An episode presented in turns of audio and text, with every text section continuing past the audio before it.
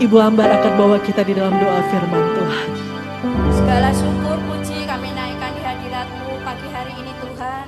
Tuhan Yesus yang baik kami sudah uh, memuji namamu sebentar kami ya, Yesus. mendengarkan sabda dan firman Tuhan. Mari Tuhan berbicaralah melalui hambamu sehingga kami menerima firmanmu Haleluya. dengan sukacita, damai sejahtera di dalam kehidupan kami. Amin. Berkati hambamu yang akan menyampaikan sabda dan firmanmu. Pakailah hambamu Tuhan, sehingga apa yang mereka sampaikan, firmanmu menjadi rema di dalam setiap kehidupan kami.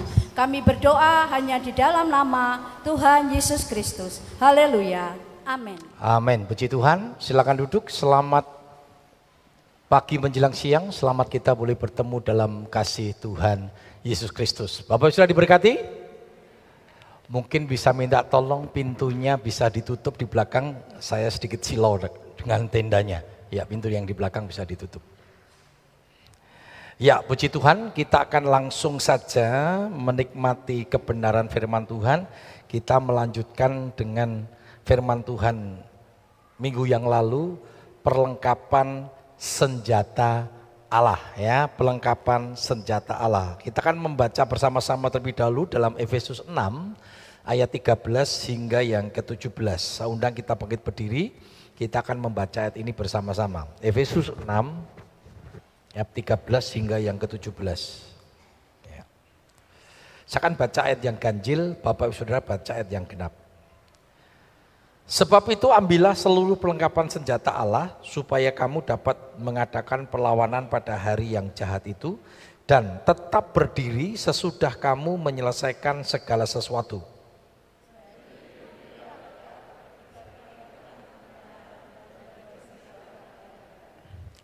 Kakimu berkasutkan kerelaan untuk memberitakan Injil damai sejahtera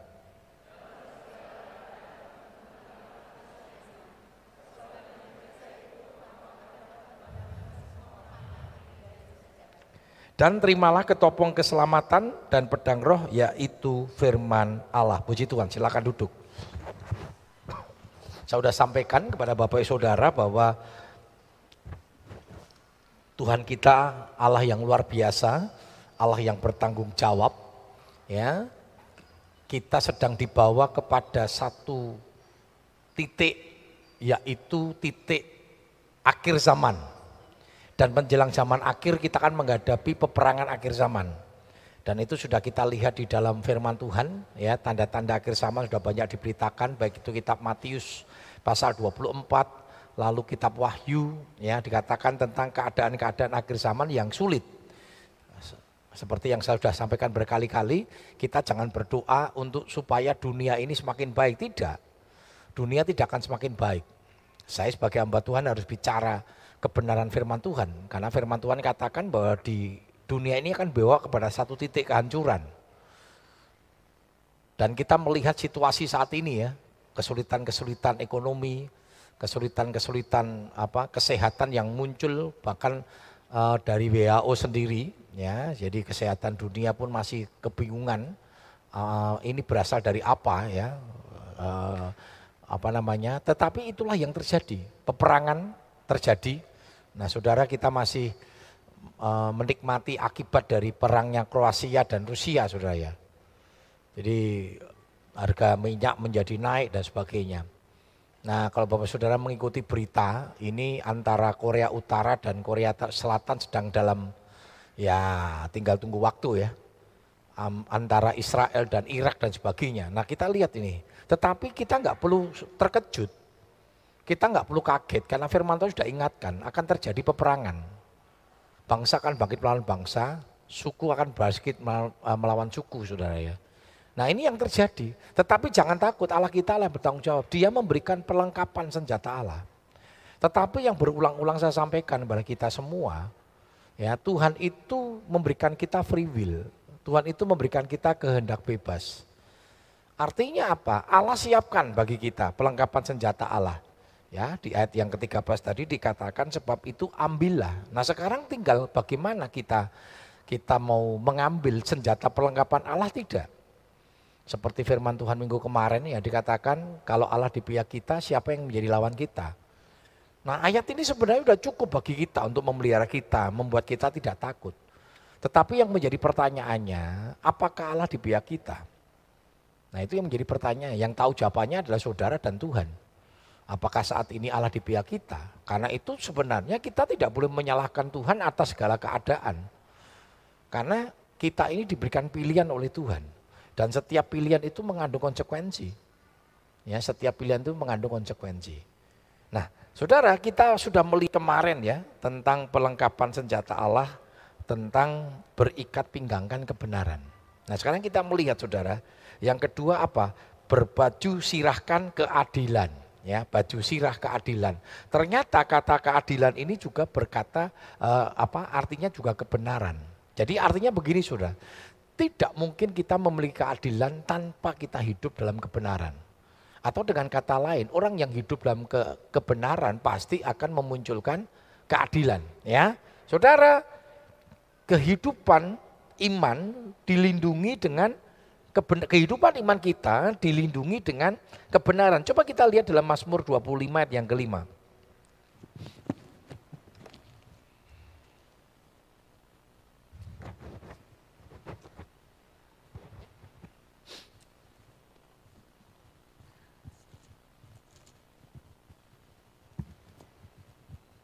Mazmur 25 ayat yang kelima.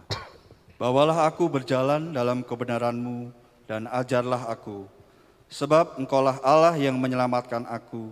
Engkau kunanti-nantikan sepanjang hari. Berarti kan saudara, firman Tuhan mengingatkan, ya, dinyatakan di sini pemazmur dia berkata, bawalah aku ke jalan dalam kebenaranmu. Saudara, kita tahu firman Tuhan sudah menyatakan pada kita, mengingatkan pada kita bahwa menjelang hari akhir ini saudara, kehidupan manusia itu banyak yang bengkok. Filipi 2.15 dikatakan kita ini berada di angkatan yang bengkok hati. Makanya Tuhan mengingatkan pada kita untuk kita ini lurus saudara. Kitab Yosua, ya Tuhan mengingatkan pada Yosua supaya kita ini tidak menyimpang ke kanan dan ke kiri. Artinya apa sudah? Lurus. Lurus. Banyak sekarang manusia yang hidupnya nggak lurus. Hidupnya menurut dengan kebenarannya pri sendiri saudara. Seperti keadilan ini, kalau kita bicara keadilan Tuhan, itu jangan dalam konteks keadilannya manusia. Dalam pemikiran manusia, contohnya, ya saya sering kali sampaikan ya, kita punya uang 100 ribu, lalu kita punya anak dua, kalau keadilan dalam kasat matanya manusia, dalam pemikiran manusia kan setiap anak kita dapat 50 ribu, 50 ribu itu adil. Oh itu namanya tidak adil. Kenapa? Ternyata anak kita yang satu itu baru TK, yang satu SMA. Nah kalau kita ngasihnya 50-50 namanya tidak adil. Keadilan Tuhan kita bisa lihat di dalam ketika seorang hamba, seorang tuan memberikan kepada tiga hambanya. Ya, seorang tuan memberikan kepada tiga hambanya. Yang satu dikasih lima, yang satu dikasih dua, yang satu dikasih satu. Lalu kuncinya di mana? Mungkin kalau kita melihat sepintas kita berkata, wah ini enggak adil. Allah enggak adil. Kenapa kok beda-beda? Tetapi sebenarnya perbedaan kepercayaan talenta kepada hamba-hambanya itu sebuah keadilan Tuhan. Kenapa? Nanti kita melihat kuncinya di mana saudara. Ketika Tuhan berkata diberikan sesuai dengan kesanggupan. Jadi keadilan Tuhan itu tidak berarti di roto. Nah keadilan manusia sering kali kan berpikirnya di roto. Contohnya ini baru ramai saya. Dengan kenaikan BBM lalu muncul yang namanya bantuan langsung tunai. Pertanyaan saya sederhana saudara. Bantuan langsung tunai itu sebenarnya diberikan untuk yang memerlukan atau kepada semua orang. Yang memerlukan kan? Tidak diberikan kepada semua orang. Nah terpa, tetapi ternyata nanti kalau kita melihat di televisi, di laporan-laporan, banyak yang salah sasaran. Ternyata banyak yang harusnya dapat, ternyata nggak dapat. Saya tidak tahu Bapak Saudara dapat nggak? Wah senang, wah puji Tuhan itu. Padahal mungkin Bapak Saudara termasuk orang yang tidak, tidak, tidak tidak tidak uh, bukan sasaran sasaran untuk mendapatkan bantuan langsung tunai. Eleh ora popo. Satu kali saya pernah, saya pernah saksikan sudah ya, pada waktu konversi dari minyak tanah ke gas. Ya, pada waktu kalau masih ingat kan dibagikan tabung 3 kilo ya, dan kompor gas. Satu, satu tunggu. Nah saya tidak pernah mendaftar karena saya merasa juga bukannya sombong. Tapi saya merasa saya bukan merupakan sasaran untuk mendapatkan bantuan itu. Kenapa? Saya di rumah punya kompor gas yang dua tunggu. Lalu saya punya tabung gas yang besar itu sudah ya, 15 kilo ya yang besar itu, itu dua biji. Dan saya tidak pernah mendaftarkan itu. Nah ketika pembagian kompor gas dan uh, tabung gasnya, kira-kira jam 5 jam 6 sore saya dipanggil, uh, saya didatangi oleh Bapak RW. Lalu dia ngomong begini, Pak Agus, ini kompor gas sama gas uh, tabung gasnya itu tinggal Pak Agus yang belum diambil. Tolong diambil katanya. Lalu saya tanya begini, loh Pak, saya tidak mendaftar. Dan bukannya saya sombong, kan itu memang diberikan kepada yang membutuhkan. Dan yang tidak punya. Saya punya kompor gasnya dua tunggu. Lalu saya punya tabung gasnya aja dua yang 15 kilo ya, saya lupa 15 kilo ya kalau nggak salah. Lalu RW-nya ngomong gini, oh saya yang daftarkan oh pak, semua tak daftar no. Daripada pusing nanti diprotes-protes, wes daripada protes daftar no kabeh. Loh, saya bilang itu namanya biar adil dia ngomong gini, biar adil. Terus ngomong gini, itu namanya nggak adil pak. Sebab konversi gas itu hanya diberikan ya tabung gas dan kompor gasnya itu diberikan kepada yang mampu. Nah sudah kita lihat keadilan ini konsepnya berbeda dengan keadilan Tuhan. Keadilan Tuhan itu berbeda, saudara. Ya, jadi keadilan Tuhan itu luar biasa sebenarnya. Manusia sering kali kan nuntut keadilan, tapi sebenarnya itu nggak adil. Seperti yang saya bilang tadi, BLT tadi kan, nuntut adil. Tapi ternyata sudah itu tidak adil karena ternyata yang mendapatkan itu adalah orang-orang yang tidak layak, bukan sasaran. Nah, saya tidak tahu Bapak Saudara kalau yang menerima yang harusnya sudah mampu, sudah katakanlah puji Tuhan berkat gitu ya. Saya tidak tahu nih BLT BLT ini banyak yang terima nggak saudara? Saya nggak terima saudara. Ya tidak apa-apa, nggak usah ribut. Bahkan seharusnya ketika Bapak Saudara harusnya menjadi sasaran penerima pun tidak menerima, nggak usah ribut rasa protes. Amin. Loh Rano saya ngamen, ini banyak yang sakit hati mesti saudara. Kalau BLT itu bantuan langsung tunai ya, tapi kita dapat BLT itu saudara. Apa itu? Bantuan langsung Tuhan. Wes tidak usah takut saudara. Tuhan pelihara. Amin. Amin. Sampai ono sing protes apa saudara ya. Wah, RT-nya dilabrak, RW-nya dilabrak. Di kampung saya dulu ada seorang RW, walaupun tidak satu RW dengan saya. Jadi seberang kampung saudara ya. Nah satu kali waktu dulu ada bantuan langsung tunai ya zamannya Pak SBY itu saudara. Waktu pembang, eh, pembang, eh, pembagian bantuan langsung tunai, dia itu belanja. Sak rasa gede saudara. Lalu beberapa warga itu datang sama saya. Walaupun ini beda RW sebenarnya. Nah kenapa sudah? Karena warga ini berpikir sing iso ngomongi Pak Agus. Kalau dia datang, Pak aku saya minta tolong buat ditegur itu RW-nya. Kenapa? Oh, dia itu kan harusnya nggak dapat BLT Pak. Masih banyak warga yang lain yang belum dapat BLT. Oh, kok dia itu? RW ini sugih loh, dua mobil, dua ini. Lah kok kamu tahu dia dapat? Oh, pada waktu pembagian BLT dia belonjo ya Pak. Lah, belonjo ini kan ya memang mungkin pas belonjo. Orang udah iso. Bagus mesti itu untuk BLT. Ya sudah, nanti saya tanya. Saya tanya sudah. Pak RW, sorry yo, ojo nesu. Saya mau tanya, apa Pak RW itu mencatatkan diri untuk menerima BLT? Sementara di warganya Pak RW ini banyak yang tidak dapat BLT, yang seharusnya dia sasaran penerima BLT. Enggak Pak, aku saya itu BLT. Alah toh katanya Pak RW itu pada waktu hari pembagian BLT blonjo. Loh yo blonjo blonjo bulanan oh bagus. Mosok ora entuk. Kowe entuk tenan? Ora. No, saudara banyak yang jealous saudara ya. Jadi nggak usah jealous ya. Tonggone entuk, wah iso tuku ndok rong kilo is ben. Nanti Tuhan kirim ndok limang kilo saudara. Amin. Nggak usah, nggak usah jealous lah, biarkan aja. Karena bantuan kita datangnya dari Tuhan. Amin.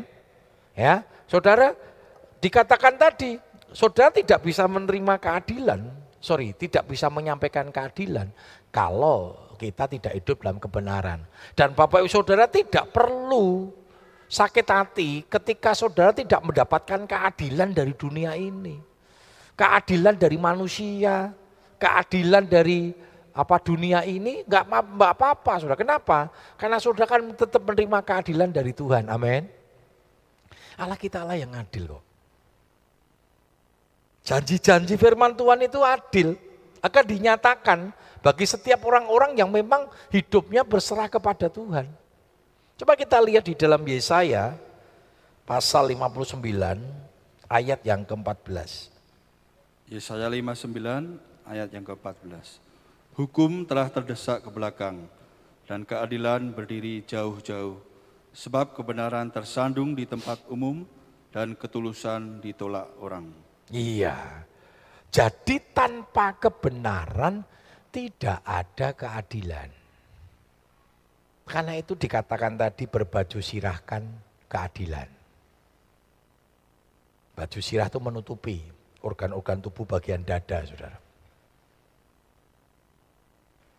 Karena itu saudara jangan pernah takut ketika saudara tidak mendapatkan keadilan manusia. Keadilan dunia, keadilan pemerintah. Nggak usah takut saudara. Karena Tuhan kita itu a, adil. Berapa banyak kita tidak menikmati keadilan yang datangnya dari manusia. Tidak apa-apa sudah. Saya pernah tidak mengalami keadilan yang namanya dari manusia. Saya sering saudara. Tuhan izinkan, tapi saya menikmati saja. Karena saya hidup dari keadilan Tuhan. Dan Tuhan itu adil. Tuhan pasti bela. Kalau saya boleh tiba di hari ini saudara. Karena saya belajar untuk selalu menikmati keadilan yang datangnya dari Tuhan.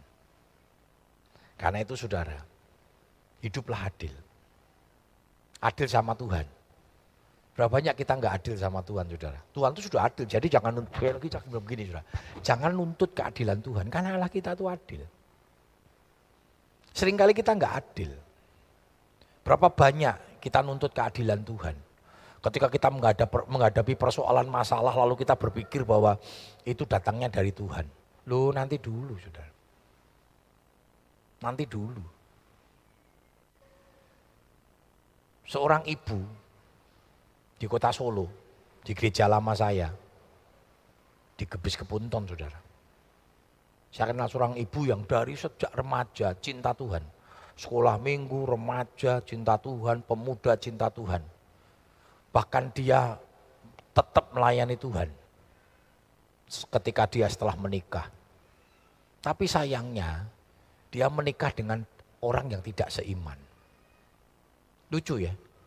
Kadang saya heran juga sudah. Wadah pelayan Tuhan dari remaja, sekolah minggu, sekolah minggu remaja, pemuda, lalu menikah. Pasangannya nggak anak Tuhan loh saudara.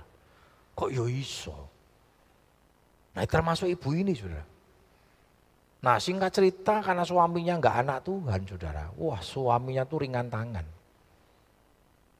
Tapi dia masih tetap melayani Tuhan, dia senang melayani Tuhan. Sampai dia menikah punya anak, saudara. Satu kali dia nggak kuat. Lalu satu kali dia akhirnya memutuskan untuk bunuh diri. Sebelum bunuh diri, dia pergi ke gereja, saudara. Dia sering kali siang hari itu doa di gereja di lantai dua. Hari itu dia datang ke gereja di lantai dua, Terus dia ngomong gini sama Tuhan, sebelum dia berdoa dia ngomong sama Tuhan, Tuhan, ojo guyang guyu Tuhan. Aku ke sini bukan untuk berdoa. Aku ke sini bukan untuk menyembah engkau, sorry. Aku mau marah-marah sama Tuhan. Aku mau protes sama Tuhan. Jadi jangan guyang guyu ya, ojo seneng-seneng sih. Lalu dia ungkapkan isi hatinya sama Tuhan. Tuhan engkau enggak adil, engkau jahat, Engkau tahu aku mencintai engkau. Dari sejak sekolah minggu, dari remaja. Bahkan sampai hari ini saya masih melayani Tuhan. Tapi kenapa engkau nggak adil? Katanya engkau adil, engkau nggak adil. Buktinya Tuhan kasih aku jodoh yang nggak cinta Tuhan, nggak sayang sama Tuhan, bahkan nggak sayang sama aku. Aku sering kali dipukulin. Tuhan nggak adil. Wah dia cerita sudah. Dia ungkapkan. Ya, dia ungkapkan isi hatinya. Sudah sampai lelah, capek saudara ya. Lalu Tuhan ngomong begini, bagaimana? Masih ada yang ingin kau ceritakan? Masih ada protesmu kepadaku? Jadi dia langsung dengar suara Tuhan saudara. Enggak, cukup. Lalu Tuhan ngomong begini, kamu berkata aku tidak adil kepada kamu. Aku terlalu adil untuk kamu. Kamu berkata aku menyiapkan jodoh. Aku memberikan jodoh kepadamu yang tidak seiman. Pertanyaanku, kapan aku memberikan jodoh itu? Bahwa itu suamimu sekarang adalah jodohmu. Apa engkau pernah bertanya kepadaku ketika engkau dulu akhirnya memutuskan suamimu yang sekarang ini menjadi suamimu? Apakah engkau pernah bertanya kepadaku? Engkau tidak pernah bertanya kepadaku. Dan akhirnya engkau putuskan sendiri itu menjadi suamimu yang engkau tahu bahwa dia bukan anak Tuhan. Dan sekarang setelah pilihanmu yang kau ambil, kau salahkan aku. Apakah itu adil? Apakah itu namanya adil? Akhirnya ibu ini menangis saudara, dia sadar. Ternyata bukan Tuhan yang tidak adil. Kita sering kali tidak adil sama Tuhan. Ketika kita mengambil keputusan-keputusan tanpa melibatkan Tuhan dan akibatnya keputusan itu berkonsekuensi. Kita sering kali tidak adil sama Tuhan. Kita salahkan Tuhan. Sepertinya itu karena Tuhan. Saudaralah kita adil. Karena itulah karena itu, untuk itulah hiduplah dalam kebenaran. Sehingga akan, hidupmu akan adil dan engkau akan menikmati keadilan Tuhan. Ya. Yang kedua,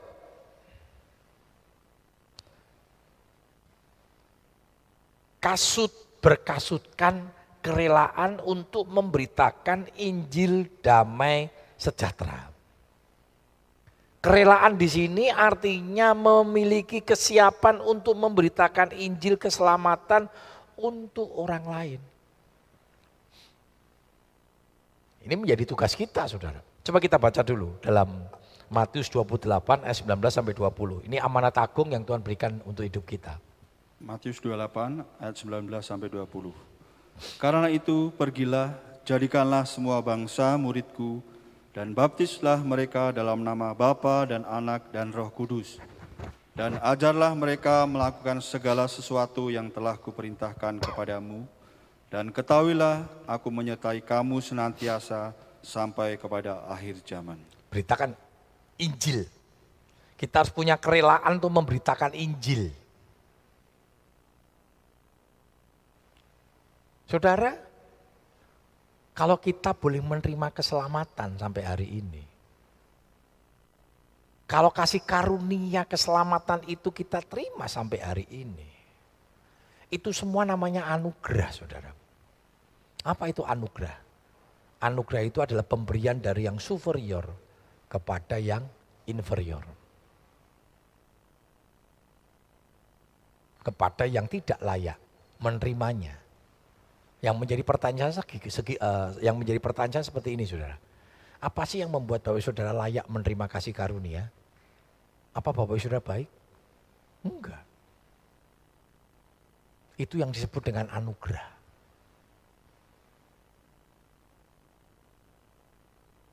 Saya sampaikan kepada kakak dan adik-adik saya.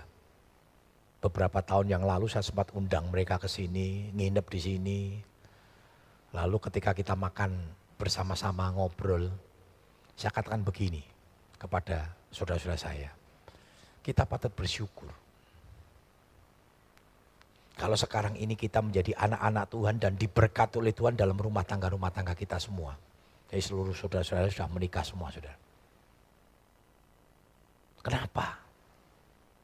Karena latar belakang keluarga kita ini bukan Kristen. Makanya berulang-ulang saya sampaikan, saya nggak pernah diserahkan ke gereja sudah pada waktu masa kecil, nggak pernah. Saya menyerahkan hidup saya sendiri kepada Tuhan. Bahkan ayah saya pun satu tahun sebelum meninggal, dia baru percaya sama Tuhan. Saya jadi hamba Tuhan, papa saya belum mengenal Tuhan. Tapi saya beritakan Injil terus saudara. Saya nggak mau. Saya memberitakan Injil sama orang lain sementara papa saya tidak kenal Tuhan. Dan puji Tuhan akhirnya papa saya mau bertobat. Saya sampaikan kepada keluarga besar saya. Kalau dilihat, kita ini tidak punya latar belakang keluarga yang anak Tuhan. Termasuk dari kakek nenek kami saudara. Kalau dari orang tua saya baru nanti salah satu om saya, Pak Lek saya, terima Tuhan, baru nanti keluarganya mulai mengenal Tuhan. Termasuk ibu saya, mama saya. Nenek saya kenal Tuhan, saudara. Karena sakit pada waktu itu, dia sakit kulit gak sembuh-sembuh, saudara. Lalu ambil keputusan dibaptis, bar baptis malah mari. Saya nggak tahu tuh, baptisan itu kan mungkin wah virus-virus dari berbagai macam saudara ya. Malah malah sembuh saudara. Ada kuasa Tuhan, memang Tuhan jamah. Saya katakan pada keluarga saya, ayo jangan egois. Masih banyak orang-orang yang belum kenal Tuhan. Mungkin orang-orang dekat kita. Mungkin suami kita. Mungkin istri kita seperti tadi, Bu tadi. Lalu Tuhan berkata, ya sekarang menangkan suamimu, tugasmu. Kok nggak pernah nggak pernah beritakan Injil? Saya tidak tahu mungkin ada dari antara keluarga saudara yang terhilang.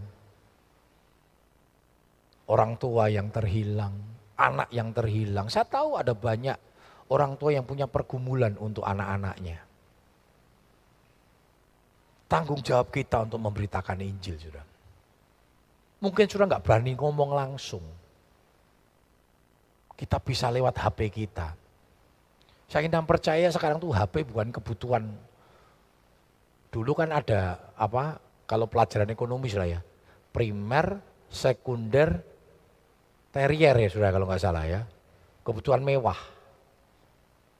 Dulu mungkin TV itu kebutuhan mewah sekarang tidak. HP itu kebutuhan primer atau kebutuhan sekunder? Primer, buktinya apa? Saudara makan neng gereja lali nggo HP, balik menesik saudara. Lah padahal fungsinya opo neng gereja nggo HP? Oh buat Alkitab ya, itu bagus. Oh, nanti nek ono WA om reso balesi. Sementara khotbah titit titit wah saudara Makanya banyak yang diingkluk itu bukan karena merenungkan firman. Sementara gembalane khotbah ya iso dolanan WA. E. Bahkan WA grup. Kayak dulu kayak omaku sudah sini miring. Wah, WK WK WK WK WK ngono saudara ya. Sekarang kan gitu ya, nek guyu WK WK kata. Apa nek guyu WK WK tuh sudah ya. Pakailah HPmu untuk memuliakan Tuhan untuk memberitakan Injil. Amin. Orang oh, sing amin, Saudara. Amin. Lo sekarang tuh HP itu bojo kalah mbak HP ya. Turu sing dikekep HP ini udah nih Saudara. Jangan sampai meturu HP isik dikekepin Saudara. Iso-iso bu, bukan suaminya yang dicium, HP ini yang dibuka itu, dipelototin saudara. Lu om kan mau melihat info siluam. Di situ kan ada renungan firman Tuhan. Eleh tenannya. Lo ya ndak apa-apa wong namanya perkembangan zaman kok ya. Saya mau tanya, suami istri punya HP satu-satu atau suami istri satu? Wah, sorry om, ya sendiri-sendiri, privasi. Wah, nek ono sampai suami istri, HP ini privasi-privasi, nggak ada privasi ya suami istri saudara. Wong di firman Tuhan jelas katakan mereka bukan lagi dua tetapi satu mereka telanjang nggak malu. Itu bicara tidak ada privasi suami istri. Nah, ada suami dibuka HP ini mbak istri nesu-nesu. Apa teman? Mbok jaga privasi suami. Wah. Itu perlu sak konseling ulang saudara. Nek pemberkatan ini saya memberkati perlu konseling ulang gitu. Saya istri saya mau buka ya karepmu ngono. Saya buka HP istri saya ora ono sing nesu, Saudara. Ora ono privasi-privasian. Kenapa? Yo kita lempeng-lempeng, nek privasi-privasi berarti kan sing wedi-wedi sudah, betul nggak? Nek ono suami istri baru berduaan lalu ono HP melayu metu sih, kalau bisa bisik, wah wis perlu ditengking dalam nama Yesus tersungkur saudara. Ya, Saudara gunakan itu. Kalau kau punya orang yang kamu kasihi, suamimu, istrimu, anak-anakmu yang hilang, orang tua yang hilang, WA. Sekarang ada banyak sosial media ya gunakan untuk memuliakan nama Tuhan. Neng yo jangan di WA begitu saudara. We murtad yo, ora bertobat yo, ora percaya mbek Yesus, nebun rokok. Wah, yo jangan ora tambah bertobat nesu saudara. Kasih kata-katalah yang penuh kasih. Mama mengasihimu, tapi Tuhan Yesus lebih lagi mengasihimu. Oh, lempar terus dengan firman Tuhan, saudara. Firman Tuhan katakan apa? Firman yang keluar dari mulut Allah tidak kembali dengan sia-sia. Karena itu kita punya hati, harus punya beban, punya kerelaan. Jangan dikutuk. Kalau sudah punya suami yang tidak bertobat, ojo dikutuk. Berapa banyak istri-istri yang ngutuk suami, makanya suami bertobat-bertobat saudara. Ada seorang istri yang sempat saya tanya, Tante, om mana? Oh, kuwi swangel loh, percuma. Dijak ning gereja wangel, watos, watos, samsoyo watos, Saudara. Karena kita ngutuk. Jangan dikutuk, Saudara. Kalau engkau punya suami yang keras kepala, doakan dalam nama Yesus terus, Saudara. Nanti kekerasan kepalanya dihancurkan oleh kuasa firman. Amin. Bapak saya loh 22 tahun sudah. Akhirnya hancur hati. Dan akhirnya bertobat. Ya, satu tahun cinta Tuhan sungguh-sungguh saudara. Dia ibadahnya nggak di gereja saya sudah. Tidurnya sama saya. Sama kakak saya diajak ke gereja Kepunton. Sudah. Ya saya nggak apa-apa. Yang penting kan pokoknya dia ibadah. Ya senang saudara, kalau saya pas dapat khotbah, uh, tugas khotbah di Kepunton kan ditulis di seperti itu ya, nanti info siluam ya. Wah dia pulang senang, Gus, gue soal khotbah toh, mau papi lihat loh, gue ditulis namanya. Wah dia bangga-bangga saudara.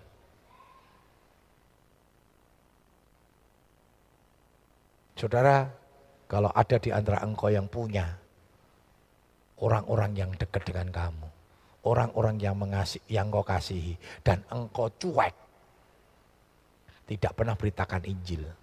Engkau hutang nyawa. Dan itu beritakan Injil. Saudara kita membaca Roma 10 ayat 13 hingga 15. Roma 10 ayat 13 sampai 15. Sebab barang siapa yang berseru kepada nama Tuhan akan diselamatkan. Tetapi bagaimana mereka dapat berseru kepadanya jika mereka tidak percaya kepada dia? Bagaimana mereka dapat percaya kepada dia jika mereka tidak mendengar tentang Dia? Bagaimana mereka mendengar tentang Dia jika tidak ada yang memberitakannya? Dan bagaimana mereka dapat memberitakannya jika mereka tidak diutus?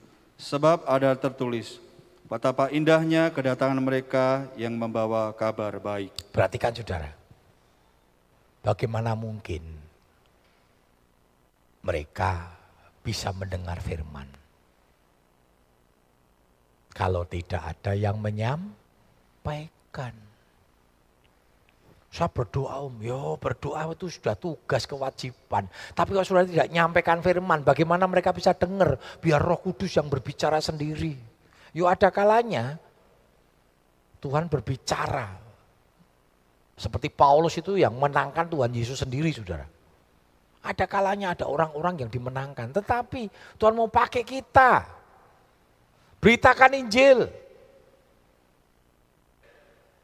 Beritakan Injil. Punya kerelaan. Mari, Saya tidak tahu pergumulan-pergumulan apa. Untuk orang-orang yang kita kasih, untuk orang tuamu, untuk anak-anakmu, untuk saudaramu yang belum kenal Tuhan. Kalau mereka tidak kenal Yesus, mereka nggak selamat, saudara. Jangan menjadi orang egois. Saya selalu prinsipnya gini, yang penting beritakan aja, saudara. Soal dia bertobat nggak bertobat itu urusan Tuhan. Karena pertobatan itu dikerjakan oleh firman dan roh kudus. Artinya harus firman disampaikan. Dan jangan takut sampaikan firman. Karena firman itu yang akan menolong kita. Yesus mati buat kita. Yesus rela mati. Bayangin tuh kalau Yesus tidak mati buat kita. Apa jadinya kita? Tapi Yesus mati di kayu salib supaya kita semua terima keselamatan dan Tuhan mau kita nggak boleh egois. Sampaikan keselamatan itu kepada semua orang. Bahkan orang-orang yang dekat. Saya kira pada di antara kita pasti banyak orang-orang yang kita kasih, orang-orang dekat kita yang hari-hari ini mungkin terhilang. Terhilang itu artinya dulu percaya sekarang hilang. Atau memang belum pernah dengar firman Tuhan. Nah kesalahannya saudara nggak pernah beritakan firman. Saya punya kakek saudara. Masih agama Konghucu. Saya belajar beritakan firman sama dia. Bersyukur. Satu bulan sebelum meninggal dia percaya sama Yesus. Nenek dari Bu Ika. Konghucunya kuat.